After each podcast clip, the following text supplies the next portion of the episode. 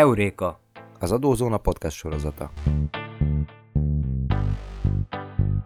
A mikrofonnál Lepsényi Mária, adószakértő. Szipszer Tamás, adótanácsadó.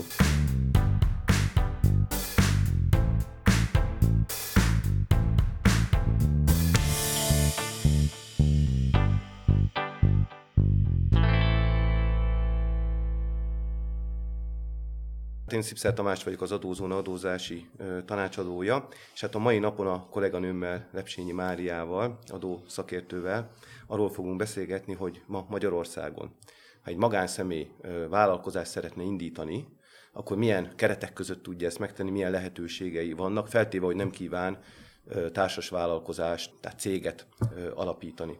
Ha megengedett Mari, akkor egy, egy-két mondatot mondanék így bevezetésként. Tehát ugye kézenfekvő megoldás lenne az, hogy rögtön egyéni vállalkozást indít, de azért tudjuk, hogy a jogi környezet alapvetően lehetővé teszi azt, hogy ezt nem feltétlenül egyéni vállalkozásként vagy egyéni vállalkozóként indítsa el, hiszen ugye ott van nekünk a személyi jövedelemadó törvény, annak ugye a 16-os paragrafusa lehetővé teszi azt, hogy ö, gyakorlatilag, hát úgy mondjuk, hogy adószámos magánszemély, de tulajdonképpen azt mondhatjuk, hogy egy önálló tevékenységet adószám birtokában is végezhessen. Így van, Mari, ezt megerősítette Ez is. valóban így van, az önálló tevékenység egy külön kategória az SZIA törvényben. Azért elmondanám, hogy ez már régen is volt, amikor még nem volt SZIA törvény, mert amikor már voltak a kutyások, a virágosok és más hasonló tevékenységet folytatók, már akkor is adóztattuk ezeket a tevékenységeket. Ugye magát az önálló tevékenységnek a fogalmát egy kicsit határozzuk meg, mielőtt még a vállalkozásról beszélünk, mert ugye először is el kell bírálni jogcímeket, hogy milyen jogcímen adózik valami. Ugye az önálló tevékenységre az a jellemző, hogy nekem nem dirigálnak. Tehát én magam döntöm el, hogy mit akarok csinálni. Addig még egy munkaviszonynál alá-fölé rendeltségi viszony van, itt nincs. És ez azért fontos, mert akkor én, mint önálló tevékenységet folytató, nem csak az adózási módot választhatom meg, hanem azt is eldönthetem, hogy milyen tevékenységet folytatok, milyen tevékenységet nem folytatok. Éppen a tegnap esti beszélgetés okán akkor mondanék én is egy poént, szomszéd kislány ma vizsgázik kutya kozmetikából. És akkor vállalkozó lesz. És mondom, van ügyfeled? Azt mondja, nincs. Mondom, ne csináld. Tehát már innentől kezdve, hogy ez van be, olyan nehéz vizsgakérdése volt, hogy alig tudtuk megfejteni a kutya kozmetikába adózás szempontjából, tehát nem szabad rögtön nekiugrani, át kell gondolni, ezt csak pontosan az ő példája okán mondom, hogy, hogy az önálló tevékenység az egy nagyon széles és nagyon jó terület. Széles, és maga ugye a, a törvény, hogyha ugye valaki megnézi, a, veszi a bátorságot, és ugye közvetlenül a törvényből ugye azt fogja látni, hogy, hogy mindaz önálló tevékenység, ami, ami nem, nem önálló tevékenység. Hát igen, tehát, ugye, igen. tehát egy ilyen negatív megközelítése van. Ö, és akkor hoz néhány példát azért, tehát ugye sze- szerepel ott benne az egyéni vállalkozó, ugye a mezőgazdasági őstermelő, ugye akkor a bérbeadó, ö, tehát ez azt jelenti, hogy ingó vagy ingatlan ö, bérbeadás is ö, ö, így végezhető, pusztán ugye adószám. Tehát ugye gyakorlatilag ö, fogja magát az ember, és azon a bejelentő nyomtatványon, ugye a 101-esen Így van. tulajdonképpen egy adószámot kér, és az adószám az már feljogosítja, feljogosítja őt ö, ugye a gazdasági tevékenység folytatására. Na most ö, itt Még az adószámnál Igen. pillanatra hadáljunk meg, bocsánat, csak a régi idők miatt, mert ugye az adószámot kiváltották, és mindenkinek hetes adószáma van. Itt lehet látni az adózónás kérdéseknél uh-huh. is, hogy hetes adószáma van. A hetes adószám már nem jelent semmit. Hetes adószám akkor jelentett valamit, amikor még nem volt ennyi egyéni vállalkozó, és mondjuk egy óraadó, bérbeadó tervező volt, de azóta már, ha ő elment egyéni vállalkozóba, nem változott meg az adószáma. Tehát ugye, de a köztudatban még, pláne az idősebb könyvelőknél az maradt meg, hogy hetes adószáma van, nem mond semmit. Tehát azt tudni kell, hogy az adóhivatalnál hogy van ő nyilvántartva, az a lényeg. Igen.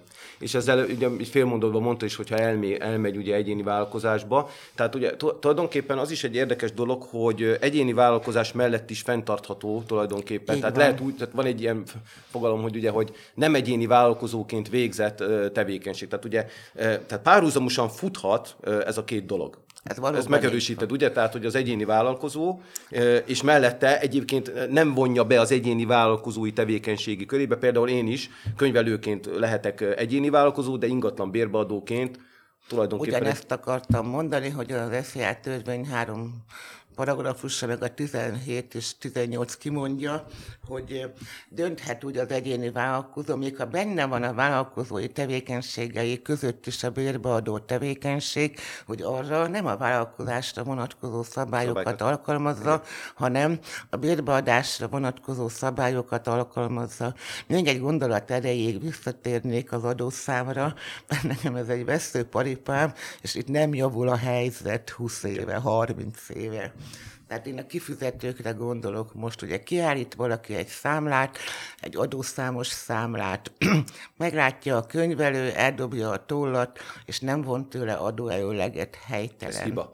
Hiba. Mert hogyha nincs rajta az egyéni vállalkozói nyilvántartási száma ezen a számlán az adózónak, akkor bizony le kell vonni az adóöleget, akkor is, ha számlát lát.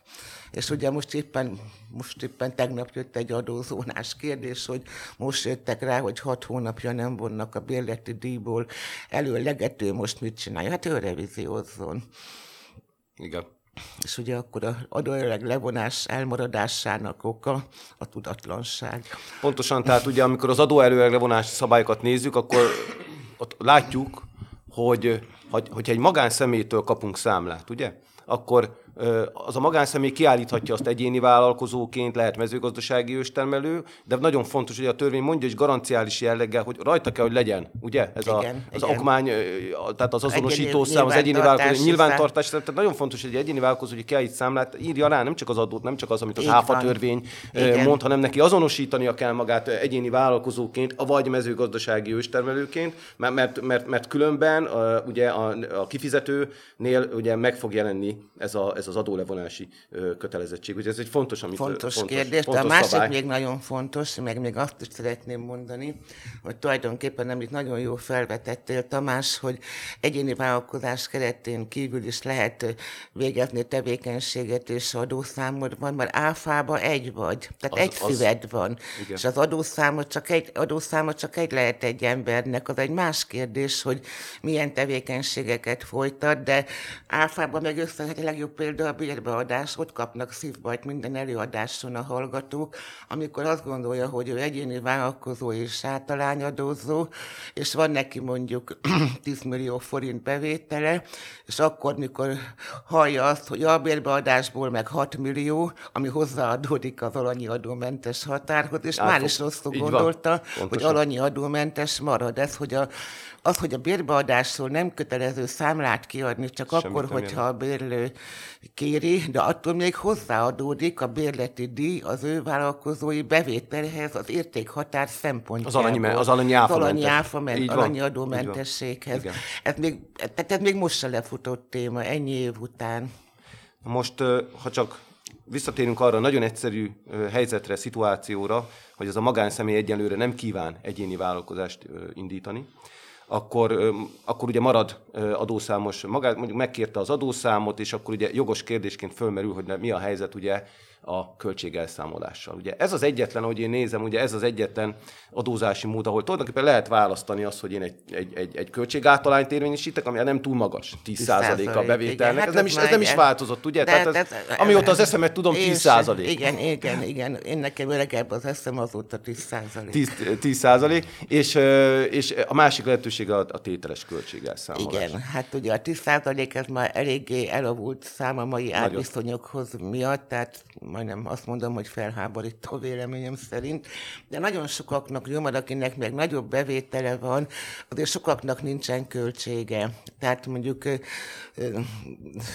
nem, mert otthon dolgozik, most az internetdíja, vagy a, akármi ugyanaz, mondjuk egy alkotói munkát végez, vagy egy óraadó, hát például. Okay. Tehát ugye itt az a fontos az önálló tevékenységnél, hogy egy pénzforgalmi szemlélet van, tehát tárgyévi bevétellel csak tárgyévi költség számolható el, és veszteség nem. Ez tehát itt lényeges. aztán ez borzasztó lényeges, hogy nem kell össze-vissza vásárolni előtte mindent, ha ezt a tevékenységet elkezdem, mert nem vihet vehettem át, és ugye ez, Ez ez, egy megfontolandó, hogy miket vásárolgatok össze az önálló tevékenység esetén. Meg a másik, ugye ha többféle, látom, még a másik, ugye önálló tevékenységet folytat valaki, adószámot vált, és ugye eddig az volt a divat, hogy hetet havat beírt a 101-es nyomtatványra 20 féle tevékenységet, hogy ne kelljen még egyszer elmenni a NAV-hoz. Ez azért fontos, hogy össze-vissza ne írkáljunk mindent, csak azokat a tevékenységeket írjuk be, amiből várhatóan bevételünk van, mert azért az fontos, hogy, hogy az önálló tevékenységnél azért, amiből bevétel van, ugye azzal kapcsolatosan számolhatok el költségeket, és meg a másik, ugye a legjobb példa a nyelvtanárok. Hát volt olyan ügy, azért emlékszem rá, ahol a nyelvtanár ugye hát hol fogadja a gyereket, mint otthon a saját lakásán, és hát ugye mentek a nebulók, és eh, ment, ment a dolog elég sokáig, és akkor egyszer valamelyik anyuka besokalt, azt hiszem nem sikerült a nyelvvizsga, és földobta a tanárnőt a NAV-nál. Hát azért láttam azt a iratot, hogy mekkora összeggel kaszálták el szegényt, amit én annak idején sajnáltam, mert hát most, és nem is volt egy nagy összeg az az óradíj, tehát csak így mond, ezért is mondom, hogy az az önálló tevékenység, azért ugye mérvaadást említettük, de óraadók, tervezők, tehát... Nekem ugye- egy ilyen ügyfelem volt egy ilyen mézes kalács süteményeket készítő nyugdíjas néni, Igen. aki néha kitelepült a, A karácsonyi, falu vége. Igen, csak ugye nála is, ugye, amit mondta, ez nagyon fontos, tehát ezt, ezt jó, hogyha hangsúlyozzuk, tehát hogyha például, például egy a, ez a mézes kalács készítő néni megveszi decemberben ugye az alapanyagokat, majd januárban, következő januárjában értékesít, akkor ugye, akkor neki januárban ott, az nem jó. Az nem, Nem jó, jó, hiszen igen. ő neki januárban keletkezik ugye a, a bevétele, és az telibe Igen, adóztatja. igen, igen, igen, Mert igen. nem tudja elszámolni, hogy Mari is mondta, nem tudja, nem, nincs veszteség elhatárolás ebben, a, ebben, ebben, a. ebben a adózási formában. Tehát egyszerűnek tűnik, meg tök jó, hogy nem kell egyéni vállalkozásként regisztrálni magunkat, nem kell végigjárni a regisztrációs nyomtatvány, de igazából ugye megvannak neki a hátrányai. És maga egyébként a költségelszámolás is korlátozott. Tehát el lehet számolni, például vegyük a tárgyi eszközöket. A Na 200, igen. a 200 ezer alatti jó. az, az oké. Okay. Tehát a 200 ezer forint alatti bekerülést értékű tárgyeszközöket egy adószámos magánszemély is el tudja. De hogyha megnézzük a törvényt, ugye a hármas számú mellékletben, az e fölöttieknél már csak ez, az, ez a hülye általány amortizáció Na, ez se változott. Ez se változott. Ez se változott, mert az, Igen. ez 88 óta a bevétel 1 áig a beszerzési ár 50 százaléka, tehát ez, ez nem változott. Így van, tehát gyakorlatilag a bevétel 1%-át. Sokáig, Tudjuk, igen. ugye? Hát, vagy igen, ez egy kettős korlát, de még az se, korlát. mert a beszerzési ár 50 százaléka, Tehát tehát kettős korlát kettős jön korlát bele, van. úgy, mint a személygépkocsinál, ott meg ugye még ezen felül a bevétel 1 százalékáig, a beszerzési ár 10 10 százalékáig százaléka lehet. ezen felül, tehát azért itt a, az értékhatárok nem változtak, mint ahogy az 500 kilométer se változott senkinél, az őstermelőknél, ugye, akik önálló tevékenységet folytatok. tehát sok A, az minden 500 nem- kilométer az a bizonyos, igen, ami általányban elismertethető Így a van, saját és nem közeli hozzátartozó autójára. Igen, igen, így van. Tehát, hogyha nincsen útnyilvántartás vezetés, akkor is megilletni az Igen. 500 km. Tehát csak az őstermelőt, meg az egyéni Így van, tehát, tehát pont, hogy még ez sem illeti meg, ez az 500 km sem a, az adószámos magánszemély. Nem is érdemes gépkocsit Úgyhogy- elszámolni egy adószámos magánszemélynek, mert ahogy költséget számol el a gépjármű használattal kapcsolatosan, azonnal bejön a cégautóadó Cégautóadó. fizetési kötelezettség a tulajdonosnak, vagy a üzembe tartónak, tehát nem érdemes. Nem Én érdemes. mindig azt mondom, hogy amilyen magas a cégautó adó összege, ahhoz képest nincs benne annyi haszon, hogy érdemes lenne gépkocsit elszámolni, vagy hát ha már nagyobb költségek vannak, akkor nyilván a vállalkozás megfontolandó, de más költségek azért érvényesíthetők, én úgy gondolom, úgyhogy a, gép, a gépkocsi használat az a sima önálló tevékenységnél. Ja, és akkor még itt vannak ezek a kütyüsök, ugye a nyaklánc, karkötő, pulóvert köt, mindenféléket hasznosítanak, amit szappant készít, uh-huh. ugye, ha megnézzünk egy vásáron, de azért most már én úgy látom, hogy azért ott már inkább elmentek sokan a, a vállalkozói rétegbe, és még egy nagyon fontos, mert ezt is nehéz lenyomni az emberek torkán, ha én valamit csinálok, mondjuk egy nyakláncot vagy egy szappant, én nem ingóságot adok el, hanem a saját művemet. Tehát csináltam valamit, önálló tevékenység. Ha én veszek tőled egy szappant, és azt adom el, az ingó. De hogyha csinálok egy szappant, az önálló tevékenység. Tehát mindig ezt is nézni kell. Ugye legjobban itt a szellemi tevékenységnél szokott ez kijönni, amikor valaki eladja egy általa kitalált programot egy cégnek, és uh-huh. akkor ugye beviszi vagyoni értékként, raportként, beviszi a társaságba. Hát ugye az is egy értékesítés, egy know-how, ami szintén önálló tevékenység bevétele, tehát ez is nagyon fontos, pedig hát egy terméket ad át. Tehát az, az, tehát az önálló tevékenységnél azt kell megjegyezni, hogy valamit csinálok. Igen. Amit csinálok, az az én saját alkotásom. Tényleg egy tevékenység kifejtés És tevékenység történik. kifejtése történik. Még a költségek elszámolásánál van itt egy érdekes rendelkezéset, ami így próbálták, tehát ugye a gyakorlatban én azért látom, hogy egy kicsit ez ilyen hasraütésszerű, ez a, ez a rezsiköltségeknek az elszámolása. Ezt még Na, nagyon szeretik. Ez... Igen, mert ez egy gumis, mert tehát mit mond ki a törvény? Tehát azt mondja ki a törvény, hogy ugye a, a, a fűtés, a világítás, a technológiai energiát azt ugye arányosan lehet elszámolni, hogyha nincs elkülönítve ugye a telephely igen, és, igen. A, és a lakóhelyem. Igen. És akkor ugye azt mondja, hogy egy jellemző arányt kell venni, tehát hogy, tehát, hogy mit tudom, négyzetméter, köbméter. Ezt nem tudom, hogy mennyire ellenőrzi, ellenőriztétek a NAV-nál, Igen, mert én egy régi navos vagyok, mi hogy már itt a Tamás elárulja. Hát tulajdonképpen ez a hasraütős módszer egy kicsit azt gondolom, mert ez mindig nagyon sokszor előfordult kérdésként, különösen bevallási időszakban, és akkor mindig azt szoktuk mondani, hát akkor határozza meg, hogy mondjuk mekkora a lakás, ha három szobás és abból egy szoba az iroda, akkor arányosítson. De ez nem jó szabály, mert ha én ott egész nap az irodámban ülök, és használom a számítógépet, meg ott fűtök, mondjuk pláne ha konvektorban, és csak este bemegyek a hideg szobába aludni, ahol Igen. nem égett a villany, tehát ez tulajdonképpen hát most őszinte vagyok, egy kicsit érzelmi alapon történik, és a rendeltetésszerű joggyakorlás betartásával én azt gondolom, hogy ilyen esetben Hát ugye azt szoktuk mondani, hogy azért egy 20-30 százalék még elfogadható arányosításnál, de ugye azt mindig, azt, mindig az adott esetet kell nézni, mert ugye el akarnak számolni hetet, havat.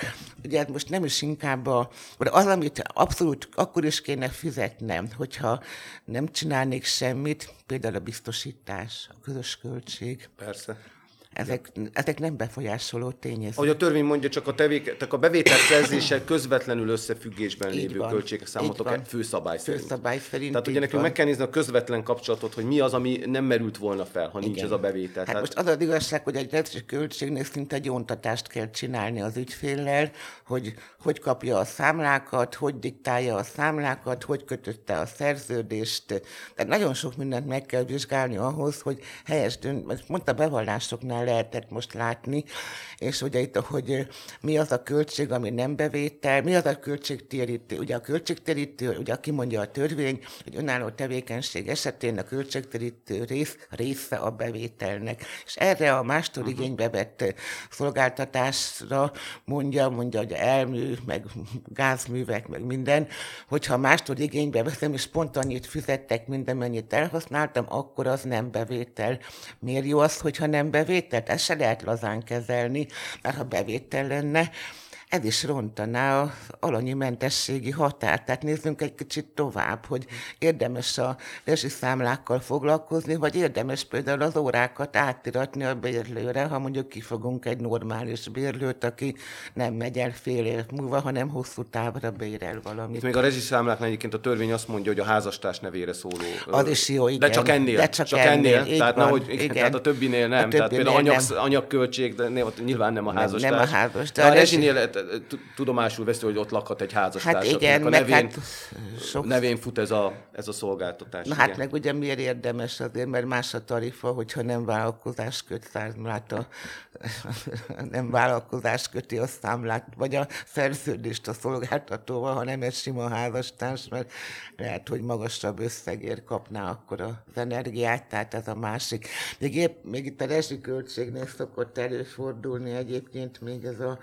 a, az építményadó, már ha itt tartunk, ugye az is köt, nem biztos, az például nagyon jó egyébként most egy a bérbeadásra, ha rá gondolok, a, az információs, NAV információs füzeteinél a tízes számú a bérbeadástól szól, és annak van a római négyes pontja. És a tele van gyakorlati példákkal. Például azzal, hogy az építményadót először az volt, hogy nem számolható uh-huh. el költségként. Azt utána, ha például olyan, a, azért kell fizetni, csak egy példa, mert az önkormányzat a helyi rendeletében így döntött, hogy ha a vállalkozási tevékenységhez kapcsolódik, akkor elismert költségnek minősül, akkor elszámolható. Tehát erre se lehet exakt választ adni, hanem mindig nézni kell az eset összes körülményét, hogy ott mi a szituáció. Jó, hogy mondod az ingatlan bérbeadót, mert az ingatlan bérbeadót én kiemelném az adószámos magánszemélyek közül, és tudjuk, hogy miért, mert ő elszámolhatja nem csak az általány amortizációt, hanem kifejezetten, a, hanem a teljes, tehát ugyanúgy elszámolhatja az értékcsökkenést, mint egy egyéni vállalkozó a, a, szigorúan a bérbeadás szolgáló ingóságban. Hát meg a magánszállás hely is. És, a, és nagyon jó, amit mondasz, így van, tehát ez a, a kereskedelmi, a magánszállás igen, helyek igen, is, igen. is vonatkozik. Tehát őket azért komolyan jutalmazza így ez a, a, a többihez képest, hiszen, hiszen elismeri, hogyha én veszek egy, két, egy 300 ezer forintos kanapét, amit, amit én igen, belerakok abba. Hát most már van annyi. Igen, igen egy, három, egy 300 ezer forintos kanapét például, az ugye 200 ezer forint fölötti, és hogyha ez ingatlan bérbeadás szolgálja kizárólag, akkor tulajdonképpen itt mehet az értékcsökkentés. van, itt így n- nem ez, nincs ez az egy százalékos szabály, Igen. amit ugye említettünk, vagy a, és a maximum ugye a bekerülési érték 50 százaléka, hanem szépen le lehet írni a, a bekerülési értékét. És még az ingatlannál is, Na az ingatlan egy nagyon érdekes dolog, mert ugye azt mondja a, a, az SZIA törvény, hogy ugye gyakorlatilag az ingatlanomat azt én amortizálhatom, amit Igen. én bérbe adok, sőt, akkor is, hogyha részben adom bérbe, akkor ugye részben adhatom. Időarányosan. Idő és, és területarányosan van, is van. bérbe adom. Ez egy érdekes. De ez egy nagy terület. Először is már ott kezdődik a, az ingatlan bérbeadásnál, hogy amortizálhatom, hogy ugye örököltem vagy ajándékba kaptam, tehát nincs beszerzési ár, itt nincs amortizáció. Ez nagyon sokakat megdöbbent, csak akkor, hogyha vásárolt ingatlanról van szó. Igen. Ez az egyik.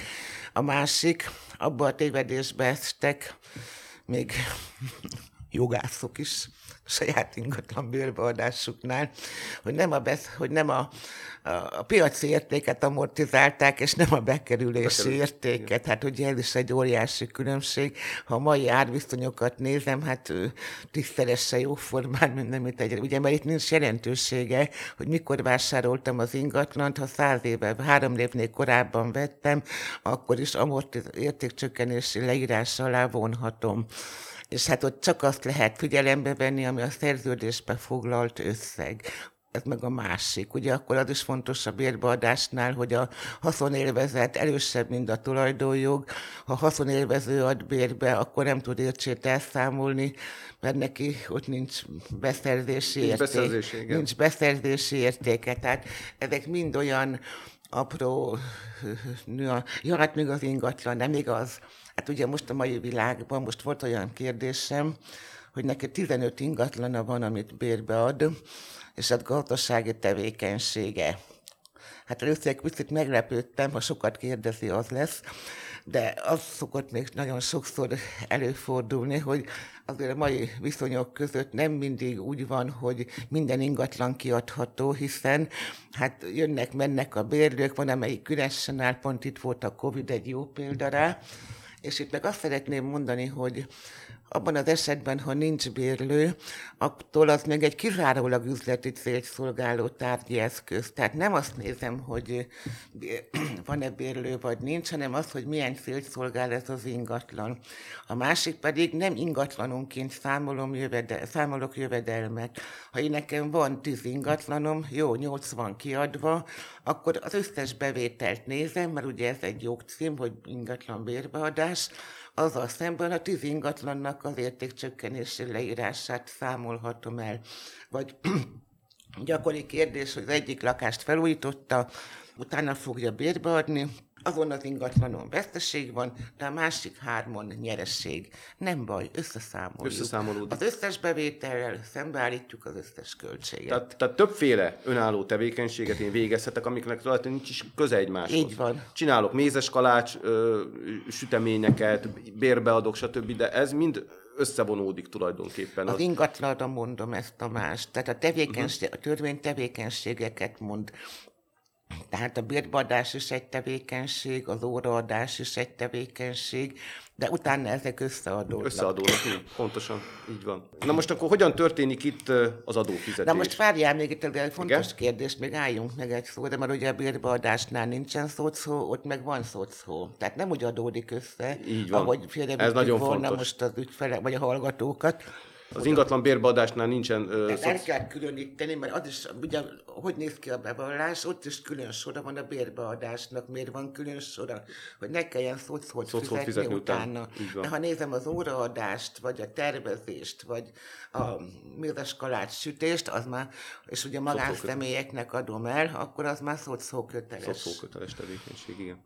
Tehát az adófizetés tulajdonképpen itt az adószámos magánszemélyeknél, tehát, tehát ugye nem várjuk meg a bevallást, és ott fizetünk, hanem ugye Negyed negy- negy- évente, negyed évente van, de igen. van ez a 10 ezer forintos, ha Igen, nem éri igen. el, mármint az adó. Vagy igen, akkor nem kell A- a- megfizetni. Akkor még nem kell megfizetni, de, de ugye aztán utána negyed évente, a negyed évet követő hónap Így van. 12. napjáig ezeket ö, fizetjük. Na most ugye évközben ö, el lehet dönteni, hogy akkor ezt a 10%-os költségáltalányt alkalmazom, vagy elkezdek ö, szépen, Tételesen, igen. szépen ugye a tételesen ugye a bevétel összegéig ugye számolgatni el.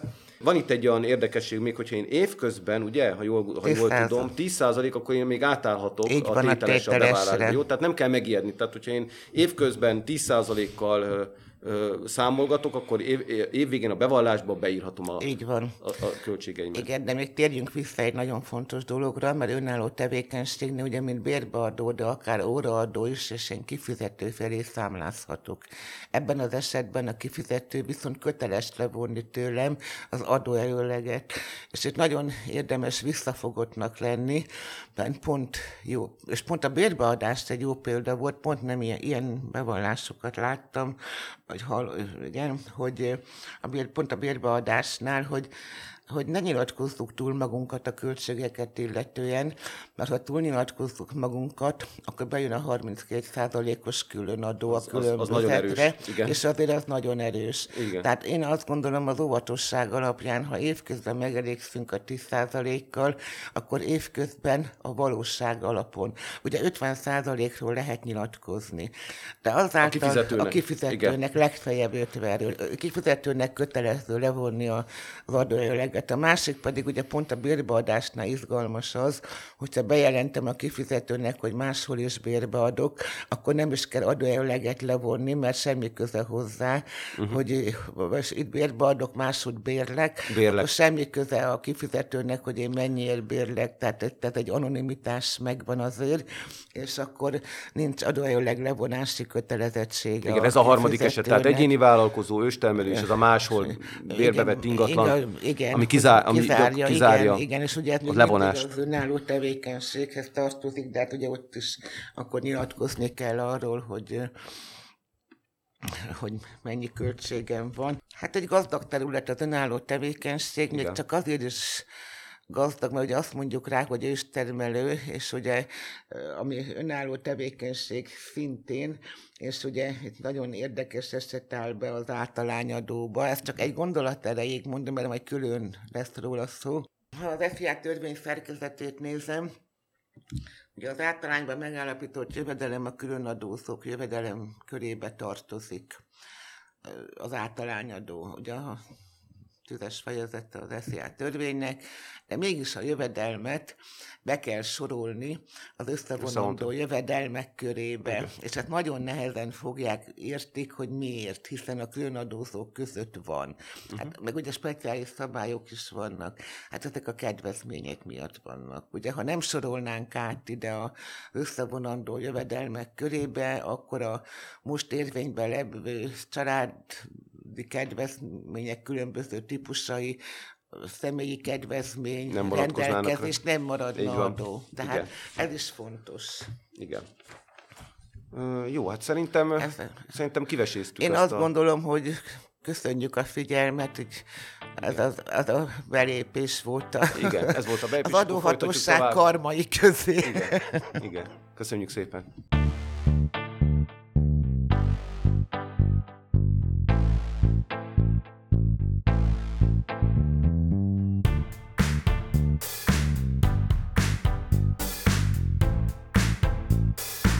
Adózási, számviteli, munka és cégjogi témákban tájékozódjon az adózóna.hu weboldalon.